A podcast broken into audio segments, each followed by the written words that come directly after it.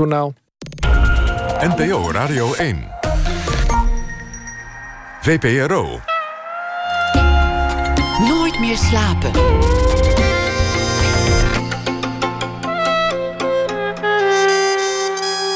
Met Pieter van der Wielen. Goedenacht en welkom bij Nooit meer slapen. Een fotograaf schiet wat zou heten de perfecte foto. Een man die wordt geraakt door een kogel tijdens een betoging in Venezuela. Het beeld zal de fotograaf zelf niet meer loslaten. En hij zal vroeging krijgen. Heeft hij nou geprofiteerd van de situatie? Of is hij een held? Heeft hij het goede gedaan door dat sterven vast te leggen? Juriaan van Eert is journalist. Hij woont in Tucson, Arizona. En heeft veel verslag gedaan vanuit Latijns-Amerika. Toevallig niet vanuit Venezuela. Maar heeft een roman geschreven buiten beeld. En daarin gaat het over trauma, over Zuid-Amerika en over de journalistiek. Het is allemaal fictie, allemaal uit de duim gezogen. Dat mag in de literatuur gelukkig. Al heeft hij wel een oud adagium gehandhaafd. Beschrijf datgene wat je kent. Juriaan van Eerten werd geboren in 1977, groeide op in Voorschoten en hij is freelance journalist en schrijver, werkt onder meer voor NRC Handelsblad. Juriaan, hartelijk welkom. Leuk dat je gekomen bent hier. Dankjewel. Leuk er te zijn. De vraag wat waar is in dit boek, die hoeven we gewoon niet te stellen. In principe helemaal niks. Allemaal fictie. Het is allemaal verzonnen, dat sowieso, ja. Fijn is dat, gewoon een, een, verhaal vertellen. We gaan toch praten over een aantal thema's die, die in het boek voorkomen. Maar eerst toch over jouw eigen leven, want, want je beschrijft wel een aantal dingen die je kent. Een van de thema's is rouw. Jouw hoofdpersoon die, die krijgt trauma's te verwerken, maar hij is eigenlijk niet klaar voor die trauma's omdat hij onverwerkte rouw in zijn leven heeft. Zijn vriendin is op vakantie verdronken. Mhm. Hoe, goed, hoe goed ken jij rouw? In hoeverre is dat een thema in jouw leven? Nou, dan uh, gaan we er gelijk uh, diep in, denk ik. Maar uh, ja, ik, ik heb zeker wel mensen, zoals iedereen, denk ik, mensen verloren in mijn leven.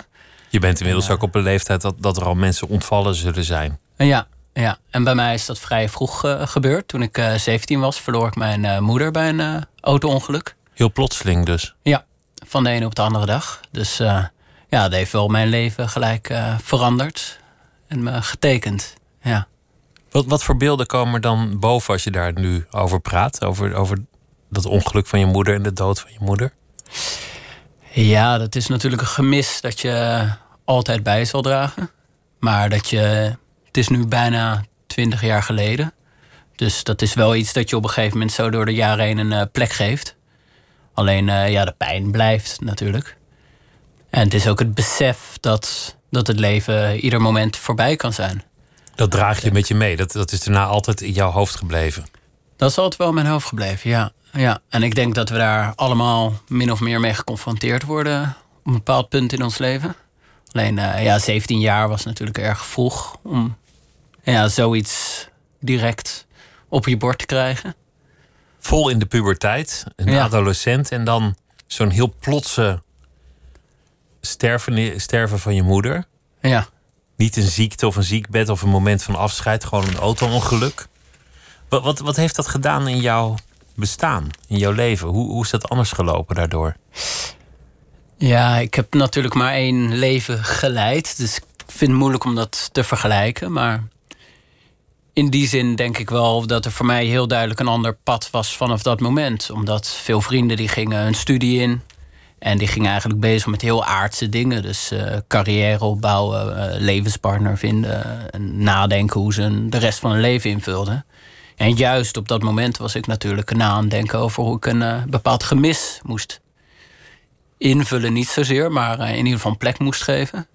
En ja, dat heeft me zeker een aantal jaar gekost om daar een weg omheen te vinden. En te beseffen van dit is ook wie ik ben. Dit is nu, nu deel van mijn identiteit. En op een gegeven moment merk je natuurlijk toch dat naarmate je ouder wordt, begin je te praten met mensen die, uh, die natuurlijk ook dat besef hebben gekregen, denk ik. Dus waardoor, eh, waardoor dat ook makkelijker wordt. Dus, uh... Want toen was jij de enige in jouw leeftijdsgroep die kon praten of nadenken over de dood. Uit eigen ervaring. Ja, ik had een, vriend van mij. Zijn, zijn moeder had zelfmoord gepleegd. niet ver voor dit met mijn moeder gebeurde. Dus ik ja, heb met hem toen uh, vrij sterke vriendschap gehad in die tijd.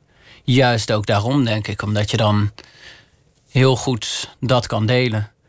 En op een gegeven moment, naarmate je ouder wordt, verandert dat natuurlijk. Maar uh, ja, je leven is. Vanaf dat moment ben je wel.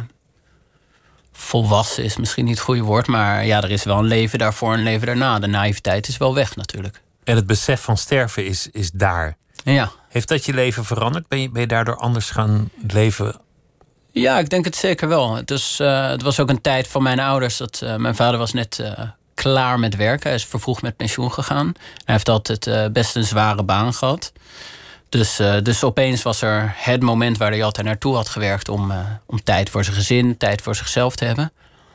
En volgens mij was dat een half jaar ongeveer dat dat, dat punt bereikt was. Ze hadden een nieuw huis gezocht en op dat moment overleed mijn moeder. Dus ja, dat was voor hem, of in ieder geval, dat was voor mij een realisatie dat je toch echt je leven iedere dag moet leven en niet in de toekomst. Niet denken als ik 70 ben, dan gaat het beginnen. Of als ik dit af heb, dan, ja. dan komt het bestaan. Ja, dat heeft mij wel doen kiezen om bijvoorbeeld te gaan reizen en bijvoorbeeld wat meer van de wereld te gaan zien. En niet te zeggen van nou, ik ga eerst misschien de, ja, de, de, wat meer te verwachten keuzes maken direct na mijn studie. Eerst direct een carrière, vaste baan in. Maar ik heb op dat moment echt gedacht, ik moet volgen wat ik denk dat bij mij past. Dus, uh, en ja, dat was schrijven en dat was de wereld zien. Dus, je, hebt een, je hebt een opmerkelijke carrière. Je zou kunnen zeggen dat je een laadbloeier bent. Dat, dat klinkt denigerend, maar zo bedoel ik het niet. Uh -huh. Maar dat zou te verklaren kunnen zijn uit die rouw. Uit, uit, dat je eigenlijk andere dingen aan je hoofd had. Dat, dat je leven beheerst werd door andere dingen dan, dan aardse ambities. Maar je bent begonnen als gitarist. Ja. Klassiek gitarist. Ja. En daar heb je ook een opleiding voor gevolgd. Ja. Hoe kwam dat? Was het gewoon omdat je talent had of was dat een, een eerdere ambitie? Nou ja, ik begon uh, rond mijn veertiende met uh, gitaar te spelen. En dat was eerst echt uh, met een beentje, elektrisch gitaar. En uh, ik luisterde veel metalmuziek. En uh, dat was echt mijn, uh, mijn voorliefde. Of mijn, echt mijn liefde. En op een gegeven moment dacht ik, ik wil ja, studioopname techniek studeren. Dus ik ben naar een open dag van het conservatorium gegaan. En toen kreeg ik te horen van, nou dat kan natuurlijk. Alleen dan moet je er een bijvak bij doen. En in mijn geval was dat natuurlijk dan gitaar als instrument. En dan kon ik kiezen tussen klassieke muziek en jazzmuziek. Wat voor mij eigenlijk op dat moment allebei vreemde werelden waren. Dus ik dacht, nou, ik probeer eens wat. Dus ik uh, ben naar mijn leraar gegaan en ik heb gezegd, nou, uh, ik wil graag klassieke muziek leren spelen. Dus die kwam met een klassiek stuk aan en ik begon te spelen. Ik vond het leuk om te spelen. En bij de volgende open dag uh, speelde ik daar op het conservatorium. En de man die mij hoorde spelen, die zei, nou, dit is interessant wat je nu in zo'n korte tijd hebt geleerd. Dus als je dit traject vol kan houden, dan, dan wil ik je wel aannemen. Dus eigenlijk van de ene op het andere moment kon ik echt de klassieke gitaar als hoofdvak studeren. En ja, toen was ik 16, 17 toen ik dat te horen kreeg. Ik denk, nou ja, dit moet ik gewoon proberen. En ik moet zeggen, met ook echt de steun van mijn ouders. Die zeiden, ja, ga ervoor. Als je blijkbaar zo'n kans hebt, als je wellicht daar echt een talent hebt... wat je enorm kan ontplooien. Als het niet lukt, ja, dan kan je altijd nog wat anders erna gaan doen. Dus ik ben uh, klassiek gitaar uh, gaan studeren. En toen later toch de journalistiek ingegaan en nu dan als schrijver gedebuteerd met, met dit boek. Jouw, jouw hoofdpersoon die, die heeft een, een enorm ingrijpende gebeurtenis in zijn leven. Hij wordt verliefd op iemand die hem het reizen aanleert. Die zegt, we gaan op vakantie en jij maakt er een reportage van. Ja. Voor, voor de happiness, in het, in het geval van jouw boek. En dat moeten moet een beetje luchtige, lekker leesbare reportage zijn. Maar zij sterft. En de rest van het boek is dat een gegeven dat, dat helemaal niet zo expliciet aanwezig is, maar de lezer weet het al. Deze man heeft nog iets ja. te verwerken. Ja. Hij heeft iets laten liggen, hij is doorgedenderd ja. in zijn leven. En dat haalt hem op heel veel manieren in. Ja. Dat, dat vind ik interessant, dat je, dat je dat hebt besloten te beschrijven. Hoe rouw weg kan lijken te zijn zonder dat het echt weg is. Ja. Ja, dat is zeker uit eigen ervaring. Ik denk dat ik in die periode dat ik op het conservatorium begon te studeren, ben ik daar helemaal ingedoken. Op het moment dat je klassieke muziek studeert, dat is ja, de mensen die dat echt kennen, dat gevoel van volledig in een instrument op te gaan. Wat betekent dat je vijf uur, zes uur per dag speelt. Daarnaast luistert, analyseert. Op een gegeven moment kan heel je wereld alleen maar die muziek zijn. En ja, dat is natuurlijk het risico op het moment dat je echt bijna tot aan het obsessieve in iets duikt. Dat je daarmee ook andere dingen in je leven verdrinkt. Dus ja, in die zin is dat een ervaring die ik zelf heb gehad. Dat ik in die jaren eigenlijk dat altijd opzij heb gedrukt. En ergens tijdens het conservatorium heb ik besloten om uh, te gaan schrijven, omdat ik veel las toen. Ik las uh, William Burroughs, hele absurdistische, de Naked Lunch, heel hallucinatieve beschrijvingen van bizarre werelden. Vond ik heel interessant. Toen ben ik eigenlijk erin gedoken om dat zelf te gaan doen. En ja, zodra ik met het conservatorium klaar was en meer ging schrijven, ja, dan kom je natuurlijk automatisch ook tegen wat er binnen jezelf zit. En ja, dat was voor mij natuurlijk dat onverwerkte trauma. Dus... Je, ontdekte je eigen pijn als schrijvend. Ja, dat is denk ik het onvermijdelijke gevolg als je begint te schrijven. Dat je toch uh, in je eigen psyche ook begint uh, te vroeten. Mm. Nou moet een boek in mijn ogen, een goede roman, niet, niet over jezelf gaan. Maar ik denk dat er wel heel veel universele thema's in te vinden zijn. Ik denk dat we uiteindelijk op welk punt in je leven ook op een gegeven moment allemaal beseffen dat er uh, meer is dan het, het dagelijkse. En dat we allemaal kampen met de vragen. We worden ouder en op een gegeven moment houdt het op. En wat doe je eigenlijk met dat leven? Wat houdt het in om te, om te leven en te bestaan? En ja. wanneer is dat leven geslaagd? Wat is de waarde van het leven als het morgen voorbij kan zijn? Wat is dan het werkelijk waardevolle? Dus, uh... Hoe kwam het reizen in jouw leven? Dat uh, kwam uh, ja, zeker ook via een vriendin die nog steeds mijn vriendin is. En uh, zij is opgegroeid in. Uh, haar vader is diplomaat, dus zij is opgegroeid in Afrika, deels in uh, Zimbabwe, Ethiopië. En toen ik haar ontmoette, toen kwamen daar natuurlijk ook al die verhalen. En ik was eigenlijk amper Nederland uit geweest. Ik was wel naar Frankrijk op vakantie geweest, naar Italië met mijn ouders. Maar ja, echt de wijde wereld zoals die is, was voor mij. Ik had daar nooit echt een enorme interesse in gehad. Dus door die verhalen wakkerde dat wel mijn interesse aan. En op een gegeven moment zijn we naar India, Nepal geweest, omdat zij daar een stage liep bij een bedrijf. En uh, ik ben daar een paar maanden later dan achteraan uh, gereisd. En dat heeft wel mijn ogen geopend. Op het moment dat je van die geordende wereld van Nederland in één keer in India bent, met zijn sloppenwijken en mensen die niets meer hebben dan een matrasje en een ja, stuk golfplaat boven hun uh, hoofd dat is, dat is zo'n andere wereld. En je bent er lang geweest? Ja, ik ben daar toen drie maanden geweest. En aansluitend nog drie maanden naar Nepal gegaan. En uh, ja, dat uh, ik vond het fascinerend. Die andere wereld. Ik ben Nepali toen gaan leren in die tijd in Nepal. Dat is ook weer allemaal vergeten, moet ik zeggen. Maar gewoon geprobeerd heel erg daarin te duiken was uh, in India bijvoorbeeld uh, ontmoette ik op een gegeven moment een jongen waar ik uh, bevriend mee raakte. Die daar van die echt die hele lage kasten was, die onaanraakbare kasten. En die nam mij mee door die hele stad uit een mooie motor. En dan mocht ik altijd achterop. En op een gegeven moment kwam zijn verhaal kwam ook naar voren dat hij die motor had gekocht met geld van zijn baan bij een multinational waar hij werkte. En dat is natuurlijk voor die kasten. Generaties voor hem konden die mensen in zijn familie alleen maar ja, poep scheppen. Ja, maar dat is dat onaanraakbare. En ineens was hij van de ene op de andere generatie was hij in welvaart gekomen. Dus had hij zo'n luxe motor. En daarmee reed hij me rond. En hij vertelde me over die stad en over dat leven. En over dat systeem van die, die kasten waarin jij echt je vaste plek in de samenleving hebt. En ja, dat, ik vond dat fascinerend om dat allemaal te zien. Ik wist ook gelijk, ik moet hier iets mee, maar op welke manier? En wat is dat geworden? Wat, wat heb je ermee gedaan? Ja, schrijven denk ik echt. Uh, ik uh, werk nu de afgelopen zes jaar als buitenlandsjournalist.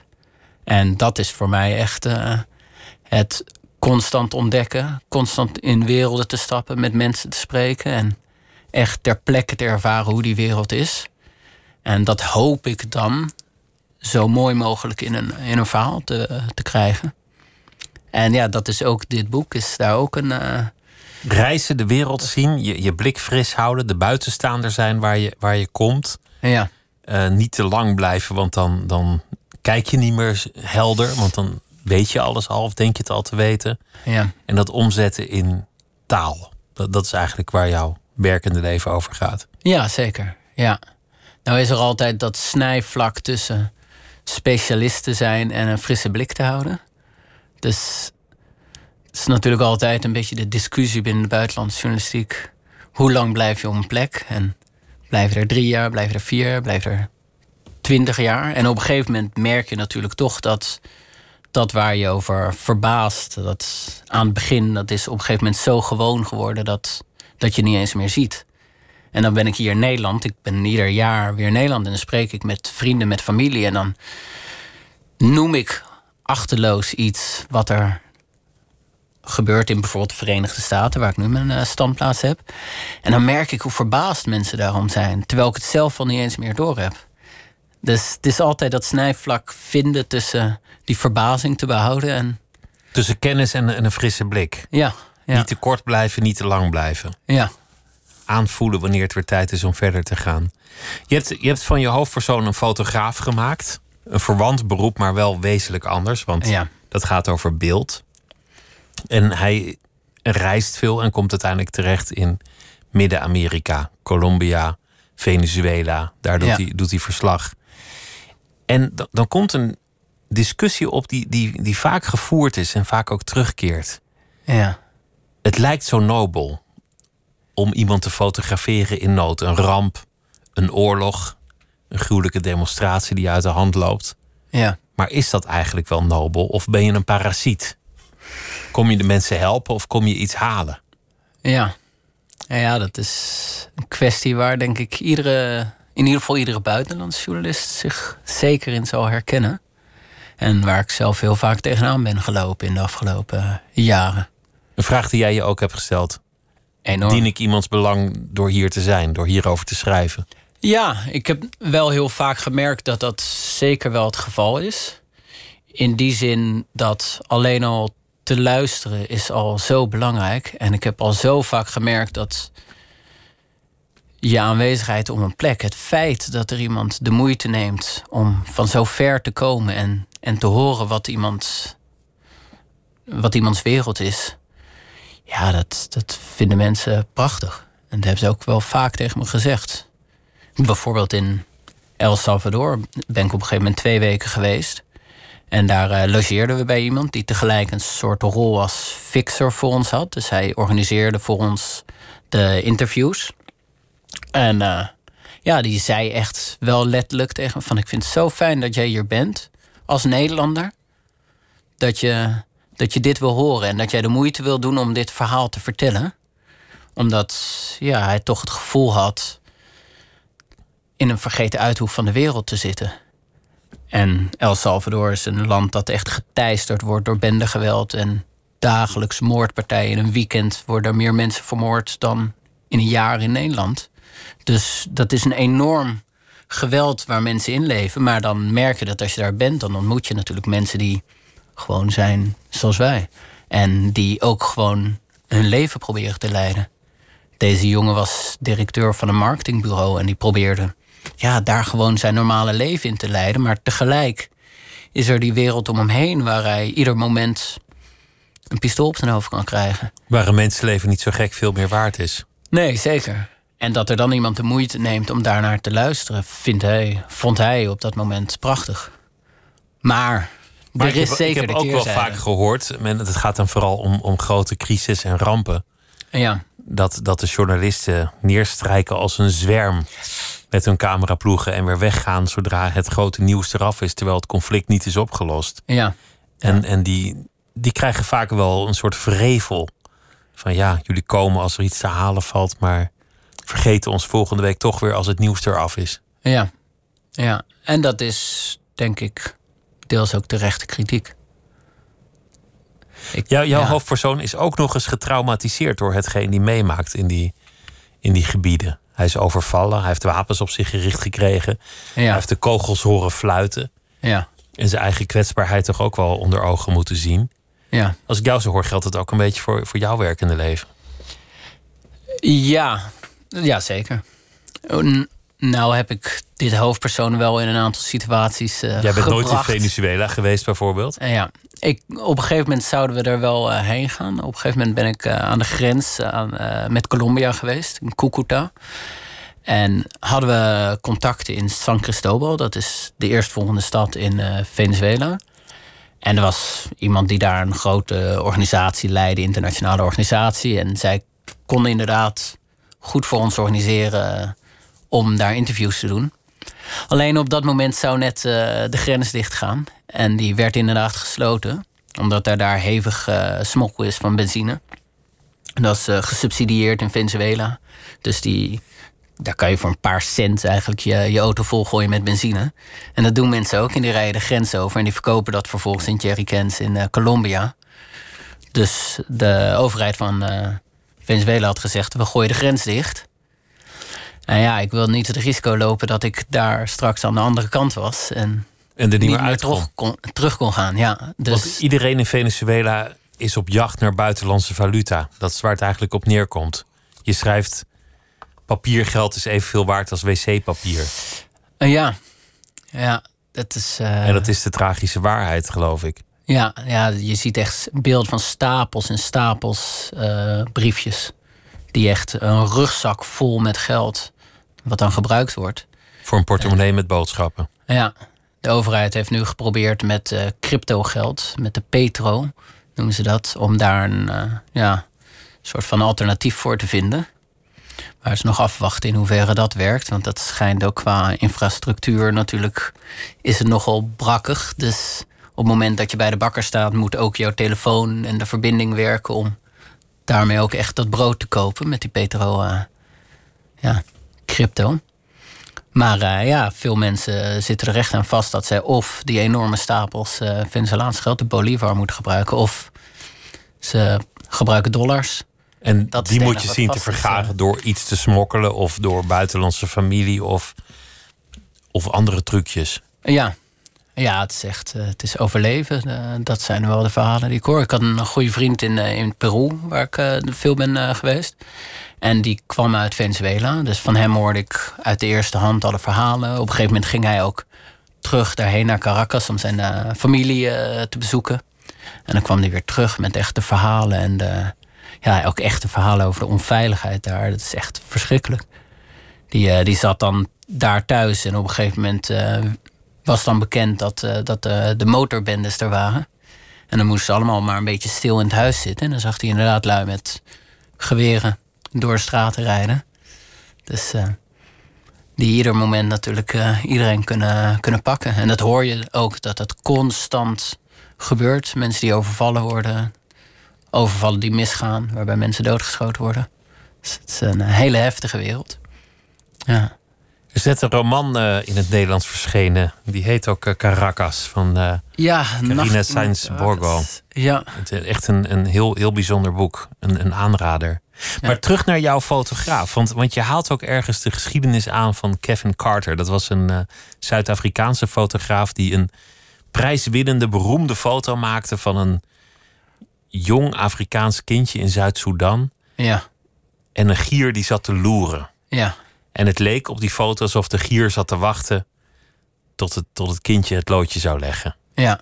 Die foto werd beroemd. Hij won er ook prijzen mee. Ja, Pulitzerprijs. De Pulitzerprijs, om maar, om maar eens iets te noemen. Maar tegelijk kreeg hij enorme kritiek over zich heen. De kaft van jouw boek is ook een gier die in een boom zit. Ja. Dat, dat is waarschijnlijk een beetje gemunt ook op dat verhaal.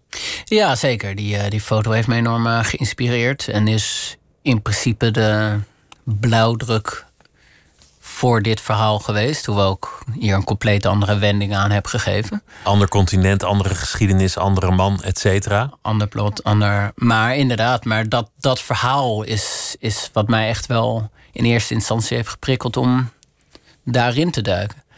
Het, het bijzondere aan dat verhaal is dat, uh, dat die gier die dus daar staat en naar het kind kijkt, dat was in zijn optiek was dat natuurlijk het symbool voor de dood. De dood en het afwachten, het, het parasiteren op leven. En daar stond het in zijn oog symbool voor.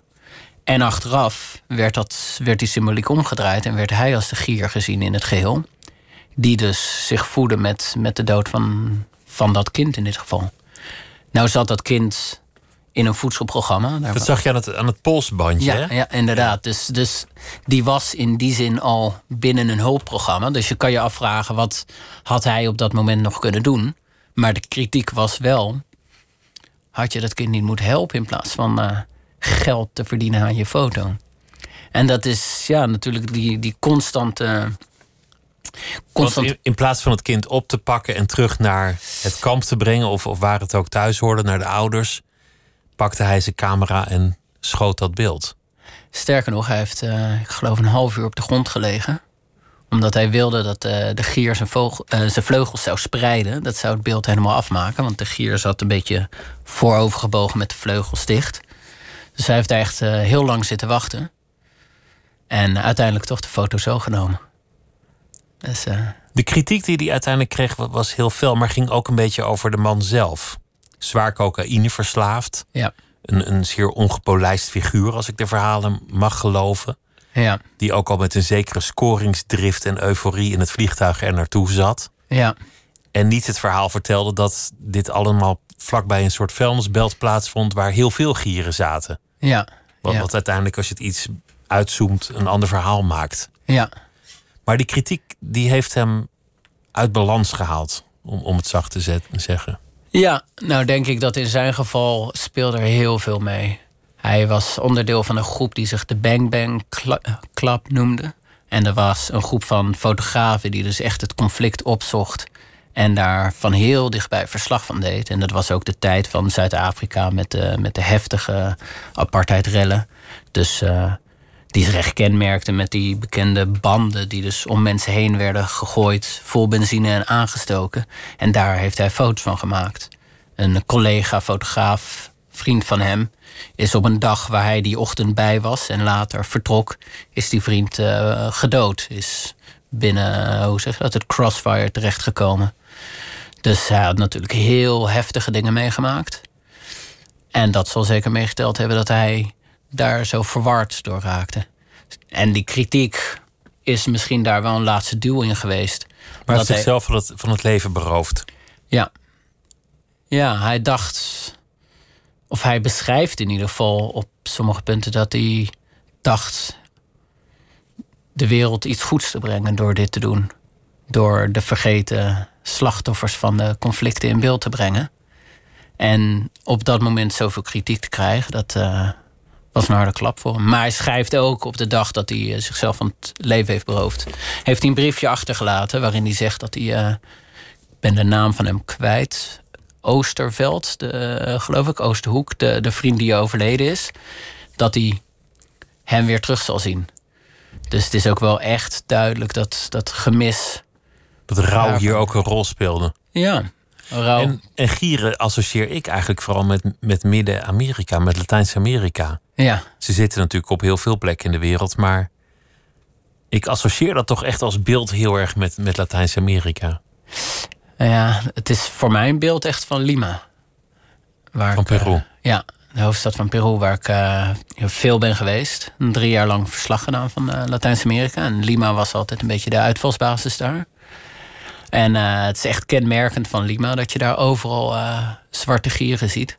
Die zitten op de kathedralen. Eh, die zouden al echt met de vroege volk eh, die daar leefde, zouden ze daar geweest zijn. Dat mensen toen natuurlijk ook een soort vuilnisbelten hadden waar ze een eh, etensresten en dergelijke opgooien. Dus dat was mooi om van te eten voor de gieren.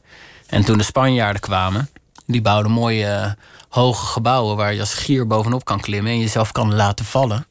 Wat voor een zwaar beest als een gier die niet makkelijk omhoog komt, ideale uitvalsbasis is. Dus als ik daar zat, waar wij op een gegeven moment een, eh, een huisje hadden gehuurd, dan keek ik eigenlijk uit op allemaal eh, gieren die constant in de lucht cirkelden. Dus dat is echt eh, een beeld van daar.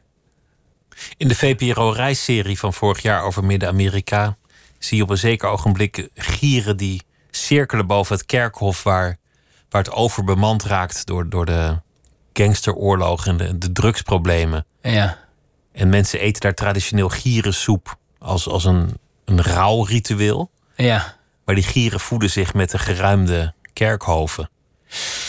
Dus eigenlijk eet je een soort van ja, andere slachtoffers indirect via de gier.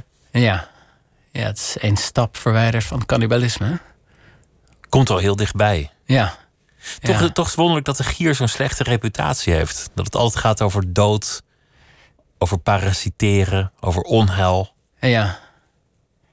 Ja, het beeld is natuurlijk... eh, het is logisch. Dus ik kan me herinneren dat ik recent ergens eh, op een wandeltocht was... en bomen zag en dat er één boom was zonder bladeren, een dode boom. En precies daar zaten de gieren op. Dus het is echt die symboliek die ze uitstralen. Dat lugubere. Ja, ja. Je bent eh, al een tijdje woonachtig in Tucson, Arizona. Ja. Een, een liberale enclave in een eh, verder interessante staat. Ja. En er is een band die daar vandaan komt, die, eh, die zo'n beetje iedereen inmiddels kent. Wereldberoemd geworden, Calexico. Je kan eigenlijk niet over Arizona praten zonder eerst naar Calexico te luisteren. Ja, ja. Laten we dat doen. Dit nummer heet Frontera. Frontera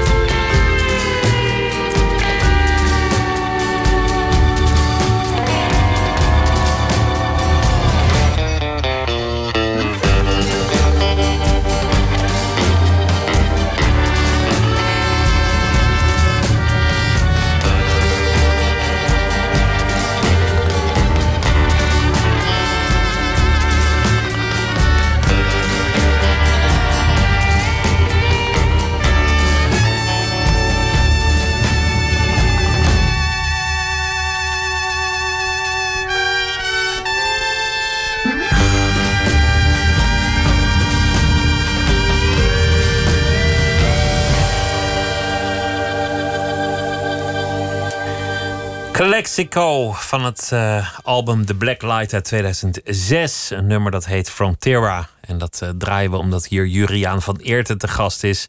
Die woont in Tucson, Arizona, de staat waar Calexico vandaan komt. En hij heeft een roman geschreven, Buiten Beeld. Een roman die gaat over rouw, over journalistiek, over reizen. En eigenlijk ook wel over de vraag: wat, wat moet je eigenlijk met dat bestaan als het zo kwetsbaar is? Als je elk moment dood kan gaan, wat heeft er dan nog waarde in dit leven? Je zit al een, een flinke tijd daar in, in Arizona. Ja, zeker. Het is een wonderlijke stad. Een wonderlijke stad omdat het aan de grens ligt, omdat het een heel eigen, indrukwekkend landschap heeft, een eigen cultuur ook wel. Ja. Het, is bij Vlagen heel conservatief, maar Tucson is juist volgens mij een heel liberale enclave. Ja, progressief. Zeker, ja ja, het is echt een bubbel binnen de conservatieve staat. Dat is, uh, het, het is midden in de Sonora-woestijn. Dus het is midden in een ontzettend bizar landschap eigenlijk. Wat, wat mij betreft wel een van de mooiste landschappen is die ik uh, heb gezien. Waar die uh, saguaro-cactussen, die enorme cactussen met die zijarmen staan... die we kennen uit de Lucky Luke-stripjes. maar, maar die stad Tucson, dat is, dat is echt een stad van, van kunst... en ja, echt een linkse stad. En als je dan daaromheen kijkt, die staat, Arizona, ja, dat is echt de, de staat van Sheriff Arpaio. Van de tentenkampen en van de zet de migranten maar in een tentenkamp waar het 50 graden is. En uh, sluit ze maar heftig op. Dus daar is echt een enorm contrast. Toch las ik de speculatie dat misschien Arizona wel ooit voor de Republikeinen verloren zal gaan dat het een swing state zou kunnen worden. Ja, ja, daar gokken ze al een tijd op. In 2016 is daar ook over gesproken. Dus eigenlijk, als je kijkt naar de afgelopen tijd, sinds de jaren 40 is er altijd republikeins gestemd. Behalve in 96, tweede termijn van Clinton. En daarna ook nog steeds weer, uh, weer rood, republikeins. Alleen in 2016 was het al de vraag: wordt dit een swing state? Gaat die om naar de Democraten? En ja, met deze verkiezing kan het ook wel eens echt uh, een van de plekken zijn waar, waar de strijd zich zal afspelen. En dat is dan vanwege de vele Latino's die daar wonen? Deels, ja. Ja, als je het heel erg generaliseert, zou je kunnen zeggen dat de staat bestaat uit twee kerngroepen. En één daarvan zijn de pensionado's. En dat is toch vaak een wat conservatievere stem. En de andere kerngroep zijn de, Hispanics. Dus uh, ja, de Latino's. Die of, want vergis je niet, er zijn natuurlijk ook veel families die van origine nog uit die staat komen. Als je namens Lopez bijvoorbeeld tegenkomt, dan is dat mogelijk een familie die dus voordat Arizona deel was van de Verenigde Staten, wat in 1853 is gebeurd met de Gadsden Purchase, die nog van die tijd daarvoor komen. Dus die dus eigenlijk nog uit een tijd komen dat het Mexico was. En daarnaast heb je natuurlijk veel migranten, Mexico, uit Guatemala en noem maar op, die, die zich daar hebben gevestigd. Ik geloof dat Arizona voor iets van 30% uit Hispanics bestaat. Terwijl als je kijkt naar de Verenigde Staten als geheel, is het zo'n 15%. Dus het is relatief is het echt veel meer een Latino-staat. De vorige keer werd er gespeculeerd dat, dat de Hispanics nooit op Trump zouden stemmen, omdat hij ze had beledigd. Die had het gehad over bad hombres. Ja. En uh, ze sturen heus niet hun beste mensen hierheen. Dat bleek in praktijk genuanceerder te liggen, omdat veel Hispanics toch op Trump stemden. Ja, ja je hebt zelfs de Latino's voor Trump. Ja, ja dat is dus er zijn verschillende groepen als je natuurlijk uh, met de mensen daar spreekt. Maar er zijn ook de groepen die zeggen: ja, ik ben hier via de legale weg gekomen. En wat Trump wil afsluiten is de, de niet-legale weg. Want dat is natuurlijk het systeem zoals dat in de Verenigde Staten is, is gegroeid. Dat nadat dat Paracero-programma stopte, dus waarvoor er handwerkers, eigenlijk wat wij als gastarbeiders kenden, dat hadden ze daar ook een programma waarbij veel mensen bijvoorbeeld in de Californische fruitgaarden kwamen werken. Dat is op een gegeven moment stopgezet, dat programma. Alleen je ziet als je naar de getallen kijkt dat er nog steeds dezelfde hoeveelheid werkers, migrantwerkers, is in de Verenigde Staten. Alleen die zijn vanaf dat moment vaak ongedocumenteerd de grens overgekomen, lopend door de woestijn om vervolgens ongedocumenteerd aan het werk te gaan. Er zijn miljoenen mensen die in die steden eh, ja, verstopt zitten. En er is kritiek ook vanuit de Latino-gemeenschap, die dus niet via die weg is gekomen. Die zeggen ja, dat is juist iets dat afgesloten moet worden. Dus die, die zijn juist voor, voor Trump. eigenlijk. En voor de Republikeinen in die zin. Spannend, kortom, wat daar gaat gebeuren. Een, een thema dat in jouw boek een, een grote rol speelt. Ja. Ik, ik ga niet spoilen. Dat is fake news. Ja, En dat is een discussie die, die in Amerika heel prangend is geworden, mede door Donald Trump. Die Ja. op een zeker ogenblik alles fake news noemde. ja, En zeker alles wat hem niet uitkwam. ja. En, en er zijn heel veel mensen inmiddels die, die de media structureel wantrouwen. Die, Ja. gewoon, die gewoon zeggen: ja, ik kies mijn eigen verhaal. Ik, eh, ik heb mijn eigen blogs op, eh, op het internet, die geloof ik liever. Ja, Het, is- het is iets dat in, jou, in jouw boek een grote rol speelt. Wie kan je nog geloven? ja. Hoe eerlijk is de journalistiek nog? Ja, het is natuurlijk in de tijd van nu Trumps Amerika is de leugen echt een politiek eh, wapen geworden. En op het moment dat je als eh, politicus een mediagroep in discrediet kan brengen, dan op het moment dat die iets kritisch over jou schrijven, is dat natuurlijk eh, een goede positie. Want dan kan je zeggen: kijk, ze brengen toch maar leugens. En tegelijk zie je ook als je naar, naar het Amerikaanse medialandschap kijkt, zie je natuurlijk ook dat ook dat medialandschap enorm gepolitiseerd is. Zoals heel dat Amerika is, is eigenlijk een verzuiling van twee zuilen. Het is echt, je bent of republikein of je bent democraat. En je Zenders ziet- hebben een kleur, kranten hebben een kleur, schrijvers hebben een kleur. Vaak wel, ja. ja. Nou zijn er zeker ook gelukkig goede kritische geluiden daarbinnen. Maar je ziet natuurlijk wel dat bepaalde zenders... Fox News is natuurlijk het voorbeeld daarvan... die echt helemaal aan de republikeinse kant staan. Maar als je aan de andere kant eh, CNN kijkt... dan zie je dat er soms toch ook wel lijkt... alsof de verslaggeving de andere kant eh sterk uitlijnt. Maar... eh, en het, is iets wat je in, in die hele maatschappij tegenkomt. Als ik ook op een, op een plek kom, als ik op een feestje kom, dan zijn mensen vaak alleen republikein of alleen democraat. En op het moment dat er een soort mix is daartussen, dan, dan wordt ook echt de discussie wordt gemeden. Wat wij hier in Nederland echt gewend zijn, dat je toch op een feestje best wel over politiek kan praten. En best wel over, eh, over onderwerpen die soms gevoelig kunnen liggen. Dat daar best een discussie over mag beginnen. Dan merk je heel vaak in Amerika dat het afgekapt wordt. Dat het echt is. Op het moment, tenminste, als je echt met een gemengde groep bent.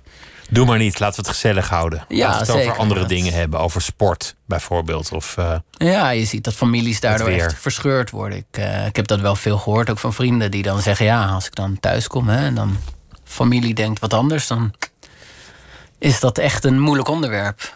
Of vrienden van me die een buurman hebben die echt vervent Trump-supporter is... terwijl eh, die vrienden meer aan de democratische kant zitten...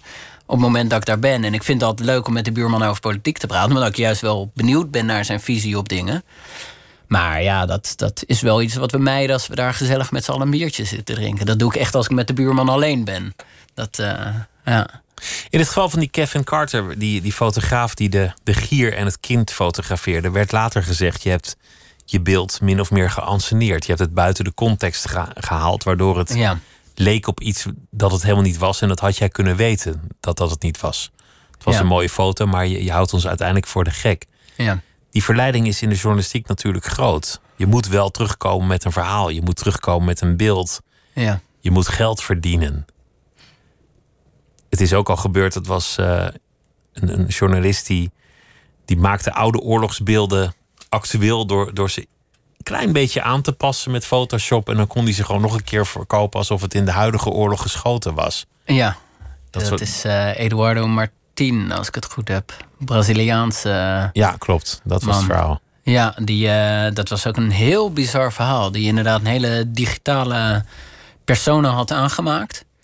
En deed alsof hij in de Syrië en Irak daar aan de frontlinies foto's maakte. En die verkocht hij ook aan Reuters, aan de grote persbureaus. En op een gegeven moment eh vroegen eigenlijk wat journalisten die daar in dat conflictgebied waren. Dat is natuurlijk toch een beperkte groep. Die vroeg zich af van, joh, eh, ik heb eigenlijk nooit die, die Eduardo ontmoet. heb jij hem wel eens gezien? En die begonnen dat uit te zoeken. En hebben, hij is ermee geconfronteerd, maar hij is helemaal verdwenen. Hij heeft echt al zijn, eh, zijn mails, alles heeft hij gewist.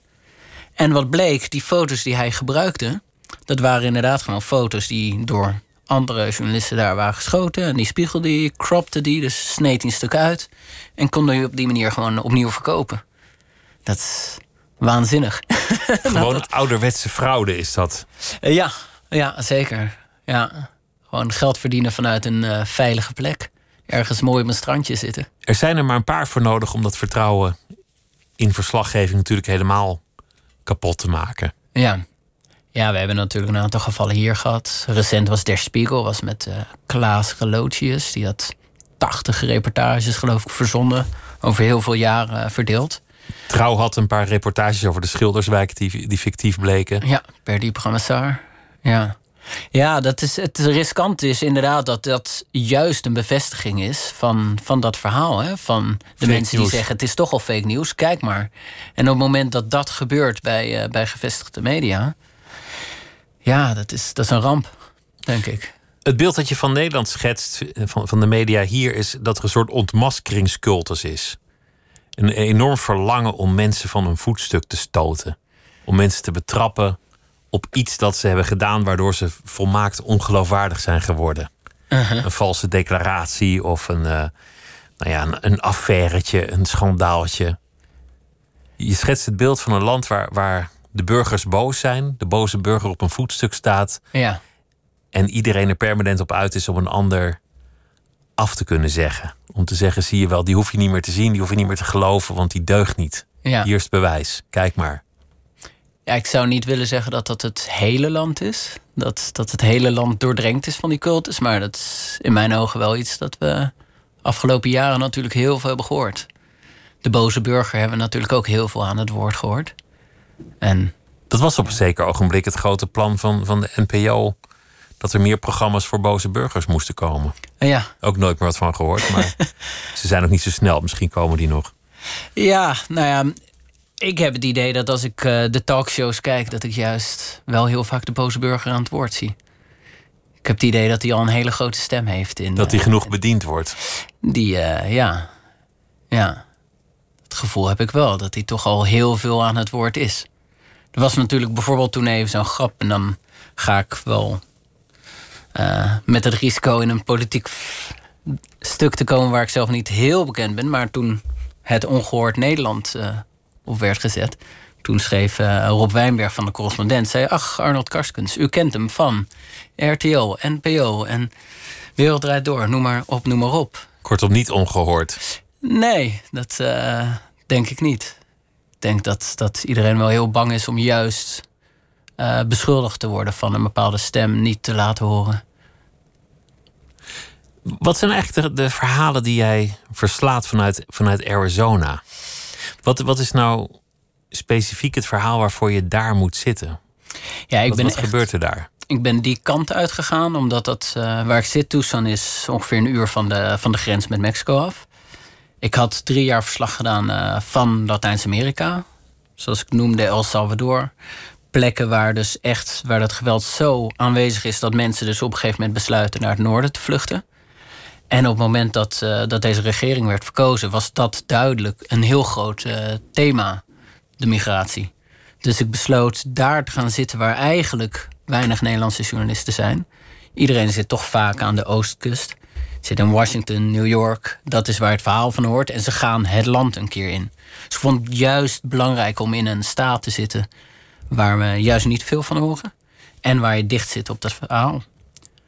Dus uh, naar de grens te gaan, die migranten te spreken, Spaans met ze te praten, te horen waarom ze daar zijn, maar ook te begrijpen waarom die ontzettend rode staat, die echte republike republikeinse staat, waarom die soms zo graag dat wil. Een, een muur, de migrantenweg. Dus echt dat verhaal van die twee kanten te horen. Dus op het moment dat je in Californië gaat zitten, dan zit je natuurlijk toch weer in die hele bubbel van democraten. Dus dan hoor je alleen maar mensen die één geluid hebben. Terwijl in een Tucson, ik hoef maar een half uurtje te rijden mijn huis uit. En, en ik ben echt tussen alle republikeinen. Terwijl op het moment dat ik daar rondwandel in mijn wijk, dan spreek ik alle democraten. En ik ga een uurtje naar het zuiden en ik uh, kan de grens over. Nogales heet die stad. En daar, uh, daar heb je alle migranten, die stranden eigenlijk, die, die niet verder komen. En die daar in de sloppenwijk terechtkomen. Aan de andere kant van de grens worden hele landen, hele steden totaal ontwricht door de, de drugkartels. Ja. door de enorme bedragen die daar illegaal verdiend worden. Ja. De macht die dat geeft, de corruptie die daaruit voortkomt, het geweld dat daarmee samenhangt. En dat probleem is natuurlijk nauw verwoven met de andere kant van de grens, waar, waar die drugs gebruikt worden Ja. en gretig worden afgenomen. Ja. Maar de angst die, die veel mensen hebben, is dat het geweld, de corruptie, het zwarte geld ook uiteindelijk zijn weg naar Arizona zullen vinden en, en New Mexico en California. En dat dat uiteindelijk daar de boel ook zal ontwrichten. Die kans is natuurlijk heel groot. Als Ja, iemand zoveel geld angst. heeft, ja. dan is iedereen te koop. Deels is dat ook al aan de hand. Niet zozeer de koop, niet zozeer. De corruptie wordt wel echt heel goed bestreden in de VS. Maar je merkt wel als je kijkt naar die woestijn rondom Tucson. En ik ben daar natuurlijk veel geweest, ook voor reportages. Daar zitten de drugskartels al. En het moment dat ik me dat echt besefte was toen ik met een groep mee was. De Aguilas del Desierto heette zij. De, de, de Eagles of the Desert. Een eagle is een arend, hè? Ja? en de arenden van de woestijn. Dus eh, dat is een groep van, eh, van mensen met zelf een Hispanic achtergrond... die de woestijn ingaan op het moment dat daar migranten verloren zijn geraakt. Dus migrantengroepen die daar doorheen trekken... om ongedocumenteerd ergens aan het werk te gaan. Daar overlijden natuurlijk mensen in die woestijn. En dan worden vaak daar wel de gegevens van doorgegeven... door of de smokkelaars zelf of de mensen die in de smokkelgroep hebben gezeten... die zeggen nou, ongeveer daar is waar die migrant is achtergebleven. Dus ik ben met hem meegegaan daar de woestijn in om dat te zien. En op dat moment liepen we ergens en vonden we gewoon in niks een pistool op de grond. Dus die jongen waarmee ik stond te praten, die, die verbergt dat een beetje en doet er wat zand over. En die zegt, ja, dat, eh, we moeten gewoon doorlopen. En die wijst op de bergen om ons heen en zegt, ja, want ze kijken naar ons. Dus dan sta je in echt in the middle of nowhere, in een woestijn. Dan zeg je, ja, die bergtoppen, daar zitten allemaal verkenners van de, van de kartels. En die zitten met echt de meest geavanceerde apparatuur. Dus bergen binnen de Verenigde Staten. Ze zitten echt met de meest geavanceerde apparatuur. En die volgen gewoon ons pad. En dat is omdat dit hun gebied is. Zij beheren dit, bij wijze van spreken. Dus op het moment dat jij als één pittertje denkt... ik ga eens wat migranten smokkelen vanuit Mexico... dan zien zij dat ook. En dan word je natuurlijk ook gestraft op het moment dat je dat doet. Dus je moet echt de tol betalen aan hen als mensensmokkelaar... om die mensen naar binnen te krijgen. Maar dat betekent dat ze echt die woestijn helemaal in de gaten houden. Dus de politie weet dat dan waarschijnlijk ook. Die, Ja. die treedt dan ook niet meer op. Die treedt wel op, maar het is, het is een constant kat-en-muisspel natuurlijk. Het is constant achterin aanjagen. En in principe, ja, wat kan je optreden tegen iemand die met een verrekijker op een berg zit? Dat wordt ingewikkeld, ja. Ja, daar een zaak is, van te is maken. daar iets strafbaars aan. Die heeft een walkie-talkie en een verrekijker, ja. Ja. Hoe is het om, om fictie te schrijven? Want tot nu toe maakte je altijd reportages en artikelen en journalistiek. En, en nu heb je een roman gemaakt. Je hebt, je hebt er heel lang over gedaan, uiteindelijk. Ja, ik ben eh, tijdens mijn conservatoriumtijd al begonnen met fictie schrijven. Dat is dus zo'n 15 jaar geleden. En eh, eigenlijk was altijd wel mijn, mijn doel om naar een roman toe te werken. Er zijn ook wel een aantal romans gestrand in mappen op mijn computer. Die eh, ja, wellicht ooit nog eens een keer wel daglicht eh, zullen zien. En dit specifieke boek heb ik zo'n zes jaar over gedaan. Maar ik schreef al fictie en daarna ben ik echt de journalistiek ingegaan. Dus ik ben ook met dit verhaal begonnen. Toen ik zelf helemaal nog geen journalistiek schreef. En toen ik dus echt gefascineerd was door die, die foto, Kevin Carter. En ook door de verhalen van buitenlandse journalisten die vertellen hoe dat leven was. Ook dat leven binnen die conflictgebieden. En ik vond het heel interessant als personage. Wat beweegt iemand nou om dat op te zoeken? Die, die heftigheid, maar tegelijk ja, dat idealisme, die bevlogenheid die mensen hebben. Of zijn ze gewoon knettergek? Dus ik vond het heel interessant om daarin te duiken. En eigenlijk doordat ik zo in die journalistiek ben gaan duiken, ben ik zelf dan ook reportages gaan schrijven en dat zelf gaan doen. Maar het, voor mij is journalistiek echt altijd een vorm van verhalen vertellen geweest. Dus juist doordat ik onderweg was en prachtige verhalen zag, wilde ik die verhalen ook opschrijven en, en delen met mensen. Omdat, ja, als je al constant in je hoofd bezig bent met het schrijven van verhalen, dan op een gegeven moment ontdek je dat ze gewoon op straat liggen. ze zijn Dus eigenlijk overal. was het, was het soort van de research voor het boek die maakte dat je echt in die wereld terecht kwam. Ja, ja. Fictie heeft eh, het pad geplaveid voor de werkelijkheid en niet andersom. Ja, eigenlijk wel. Ja. Ik wens jou heel veel eh, succes, want volgens mij is schrijverschap eh, de toekomst. Volgens mij is dat wat je, wat je gaat doen uiteindelijk. Ik hoop het wel. Ja, het is wel mijn doel om daar helemaal in eh, verder te gaan. Wel de journalistiek altijd iets prachtigs is om ja, ernaast te doen, klinkt een beetje denigrerend. Maar ik hoop wel dat ik altijd de ruimte blijf houden om af en toe echt een mooie eh, diepte-reportage te kunnen maken. Waar ik echt in het veld kan zijn, met mensen kan praten. En echt dat verhaal van daar te vertellen. Wat in mijn ogen veel te weinig verteld wordt. Omdat veel te veel verhalen vanuit het kantoor worden geschreven. En niet vanuit de plek zelf. Waar het gebeurt. Ja. De roman heet Buiten beeld. Juriaan van Eerten, dank je wel dat je langs wilde komen. En het was me een eh, genoegen om met je van gedachten te wisselen. Dank je wel. En zometeen eh, kunt u luisteren op eh, deze zender naar Miss Podcast. Misha Blok die gaat praten met Jaap Jongbloed. En Jaap heeft ook zijn favoriete geluiden meegenomen. En zijn favoriete podcasts die worden ook eh, beschreven en becommentarieerd en gedeeltelijk afgespeeld. Dat allemaal straks op NPO Radio 1. En morgen is Nooit meer slapen er weer. En dan zit hier Lisbeth Staats. En ik wens u nog een hele goede nacht.